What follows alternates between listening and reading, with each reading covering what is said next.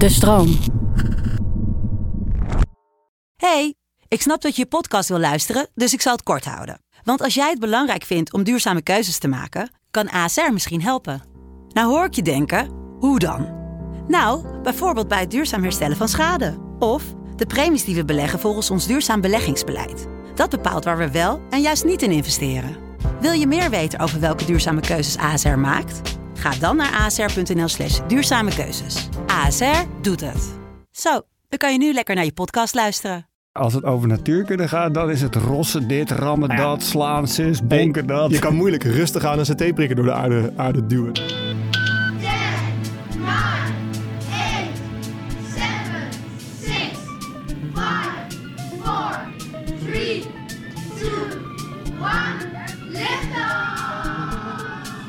Welkom bij Bert ziet sterren, de populair wetenschappelijke podcast waarin ik iedere aflevering samen met mijn goede vriend en promovendus theoretische natuurkunde, Bert, een duik neem in de wonderenwereld der natuurkunde. Eh, dat is helemaal waar.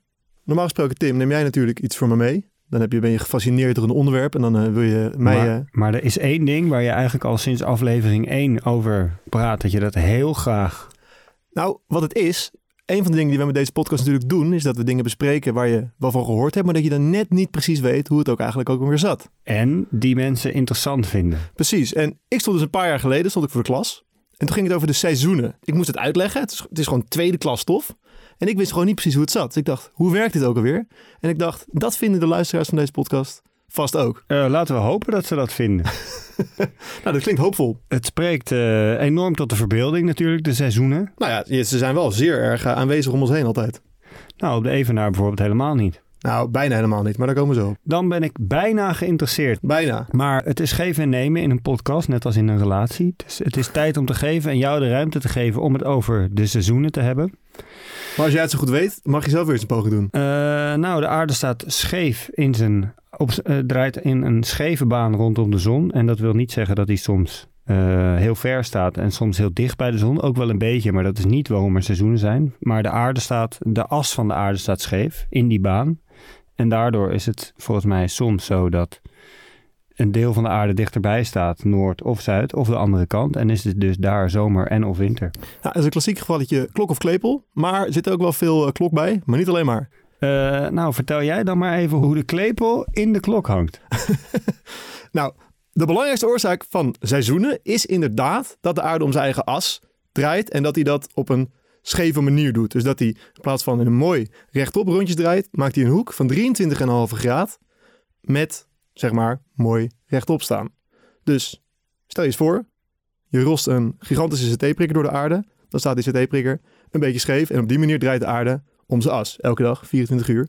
Lekker bezig. Even off topic, hè Bert. Maar jij bent in principe een hele zachtaardige, lieve jongen. Maar Ja. als het over natuurkunde gaat, dan is het rossen dit, rammen dat, slaan zus, bonken dat. Je kan moeilijk rustig aan een CT-prikker door de aarde, aarde Je duwen. kan dan moet je- zeggen, je steekt een satéprikker. Waarom, Ah, moet het, waarom wordt het altijd zo lomp als het over natuurkunde Want ik gaat? denk dat het met groot geweld, met grof geweld moet om überhaupt zo'n CT-prikker in de aarde te krijgen. Goed, dus je hebt die satéprikker in de aarde gerost en dan zet je hem scheef. Dan staat hij scheef en vervolgens gaat de aarde natuurlijk, terwijl die elke dag om zijn as draait, in een jaar een rondje om de zon draaien.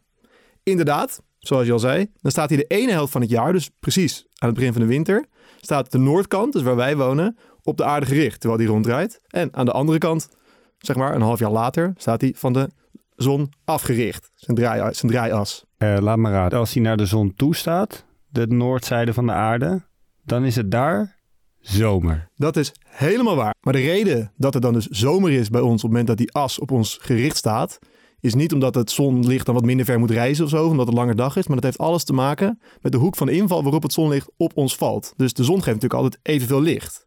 Maar als de draaias naar de zon toegericht staat, dan valt dat licht directer op het oppervlak, waardoor dat zonlicht als het ware uitgesmeerd wordt over een kleiner stukje van de aarde. En dat is zo op elk punt dan in het noordelijk halfrond. Dus de zon staat zeg maar hoger aan de hemel. Ja, waardoor het zonlicht directer naar beneden valt op je hoofd. Dus je kan het als het ware vergelijken met, nou ja, je kan het testen door, weet ik veel, eh, een, een zaklamp op een papier te schijnen. Op het moment dat je dat recht van boven doet, dan zie je dat er een kleine vlek staat waar er veel licht op komt, waar het dus heel warm wordt. Op het moment dat je hem scheef houdt, zal dat zon, zonlicht, of in dit geval het licht van die zaklamp, uitgesmeerd worden over een groter oppervlak.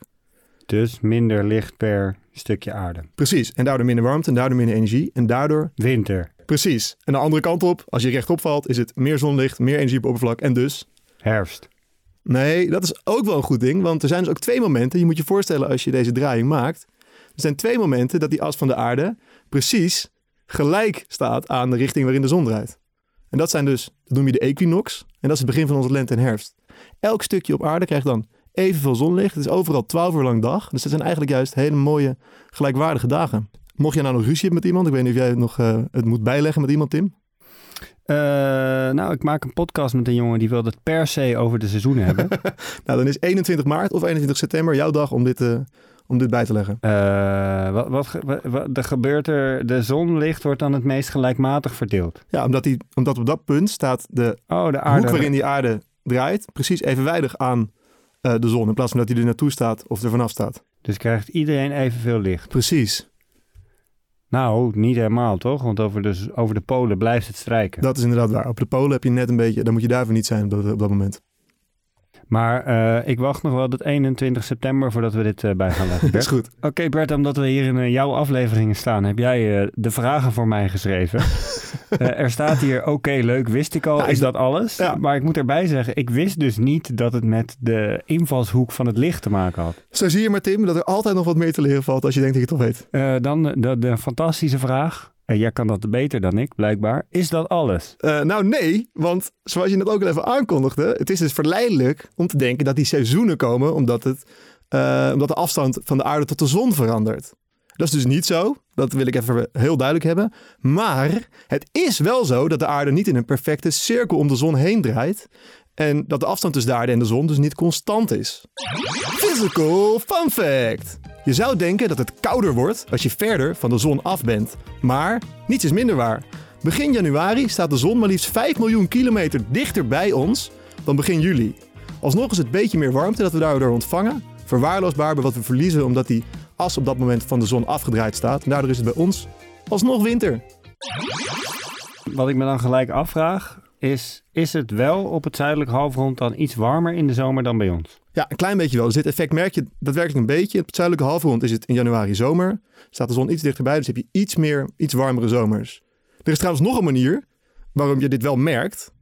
Door de manier hoe planeetbanen werken, zeg maar wiskundig, zie je dat de aarde ietsje sneller beweegt gedurende het stukje dat hij dichter bij de zon staat. Dus gedurende de maanden die voor ons winter zijn.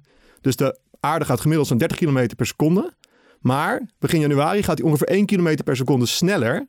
En daarom duurt onze zomer dus ook wat langer dan onze winter. Ik weet niet of je wel eens naar je knokkels hebt gekeken om de maanden te, te bekijken. Hoeveel dagen er in de maand zitten. Nee? Oh, ik doe dat nog steeds altijd. Dan zit ik zo van. Ja, Ja. maar dit is wel... Ik dacht dat dit best wel saai ging worden vandaag, zou ik heel eerlijk in Ja. zijn. Maar dit is wel echt lijp. Dat is toch lachen? Ja, De aarde gaat gewoon net iets sneller in onze winter. En daarom heeft februari maar 28 dagen. en daarom zijn de mensen op het zuidelijk halfrond een beetje zielig. Eigenlijk wel. Want die hebben dan een, een langere winter. Maar aan de andere kant hebben ze wel een iets warmere zomer. Dus de gemiddelde plezier die je uit je zomer haalt, is misschien wel weer, net als de equinox, heel gelijk verdeeld. Precies, zo is het eigenlijk. Die seizoenen zijn gewoon hartstikke eerlijk. Maar wat ik me nog wel afvraag, hè? Waarom staat die as eigenlijk scheef? Waarom is het niet gewoon netjes recht? Toeval. Dat had ook helemaal anders kunnen zijn. En dat is allemaal terug te voeren naar hoe het zonnestelsel ooit is ontstaan. Dus voordat wij er waren en de zon er was, had je gewoon, even simpel gezegd, een hele grote hoop stof. En die, ik zal het netjes zeggen in plaats van... en die... Donderde in elkaar. Precies. Nee. En die stort in elkaar onder zijn eigen zwaartekracht. En de meeste massa komt in het midden uit, de zon. Maar daaromheen heb je dan een draaiende schijf met allemaal ook nog massa en stof waaruit uiteindelijk planeten ontstaan.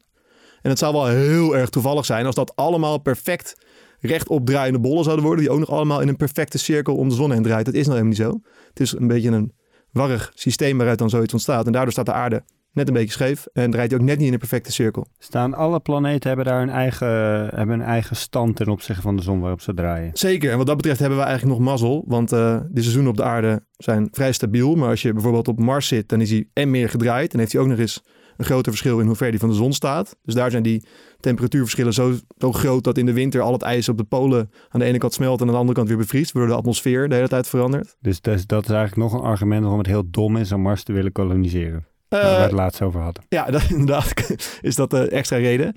Eh, wat je helemaal niet moet willen koloniseren is Uranus. Want nou, Uranus is sowieso ver weg en koud. Maar dat maakt dus een hoek van eh, draaiing met de zon van maar liefst 82 graden. Dus die staat soort van bijna loodrecht op de zon gericht in zijn draaiing. En daardoor krijg je er ook echt crazy seizoenen. Nou duurt een jaar op Uranus duurt sowieso vrij lang. Dat duurt eh, meer dan 80 jaar. En gedurende drie van die extreme seizoenen die ze er hebben, die duren ook 20 jaar zo'n seizoen. En drie daarvan, dus meer dan 60 jaar achter elkaar, is het dan op Uranus donker en winter. In ieder geval bijna op de hele planeet. Alleen dat kleine stukje dat op de zon gericht staat niet. Maar voor de rest is dan de hele planeet donker en winter. En eh, nou, zo erg kan het ook zijn, Tim. Dan eh, heb je pas echt een winterdip te pakken. Maar Uranus is een gasreus, toch? En je hebt helemaal gelijk. Uranus is een gasreus, dus je kan er sowieso niet echt op lopen. Nee, Bert, Uranus is een ijsreus. Maar de planeet bestaat wel voor zo'n 10% uit gas. Nou, je kan dus wel in die hele lange winter heel goedkoop je huis warm stoken. zo is het dan ook weer, Tim. Eh, elk, elk nadeel heeft zijn voordeel. ik dacht dat ik het wist aan het begin van deze aflevering. Maar nu denk ik het echt te weten. Weet ik genoeg van de seizoenen om de Space Shuttle lift in te stappen. Nou, ik, eh, ik, ik hoop het, want eh, ik ga wel streng zijn dit keer, Tim. Ja, shit. Ik Weet je, was er je Ehm, dan stap ik de Space Shuttle lift binnen. Ik druk op het knopje met het opschrift cockpit. En dan pak je je start- Supersonic Sportswas erbij. Ik start mijn supersonische sportswatch. En dan hebben we het over de seizoenen. En dat is nou typisch een onderwerp waarvan je denkt, dat weet ik wel. Maar als je dan goed doorvraagt, dan weet je dat eigenlijk net niet. En daarom leg ik het nu even snel uit in 55 seconden die me resteren. De seizoenen komen omdat de aarde in een scheve baan om de zon draait. De aardas staat in de baan die die om de zon stra- draait een beetje scheef en wel 23,5 graad. En dat maakt dat eh, de helft van het jaar de noordkant van de aarde dichter bij de zon staat en de andere helft van het jaar de zuidkant. Edoch, dat is niet de reden dat het winter en zomer wordt.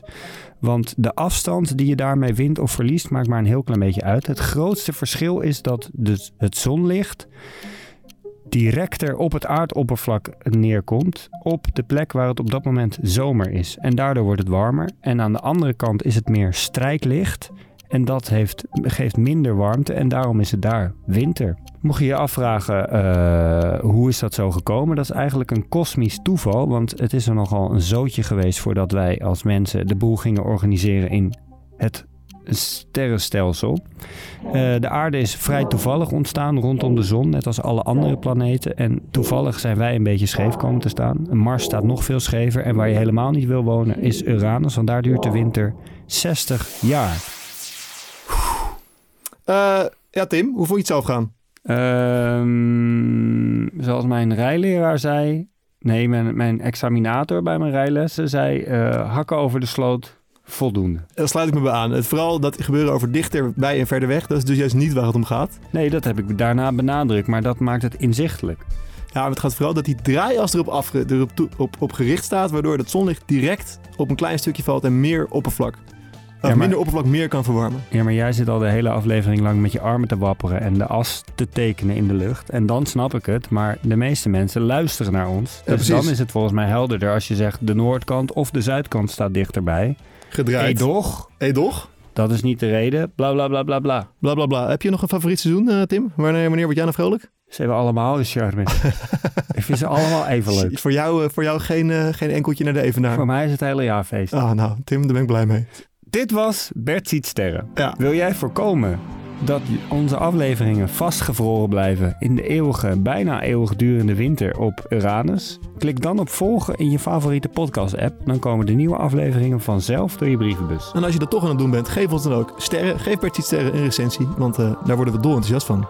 En heb je vragen of wil je zelf een onderwerp aandragen? Mail dan naar, Bert ziet sterren at de-stroom.nl. voor nu, hartelijk dank voor het luisteren. En tot de volgende ster. Hatsa.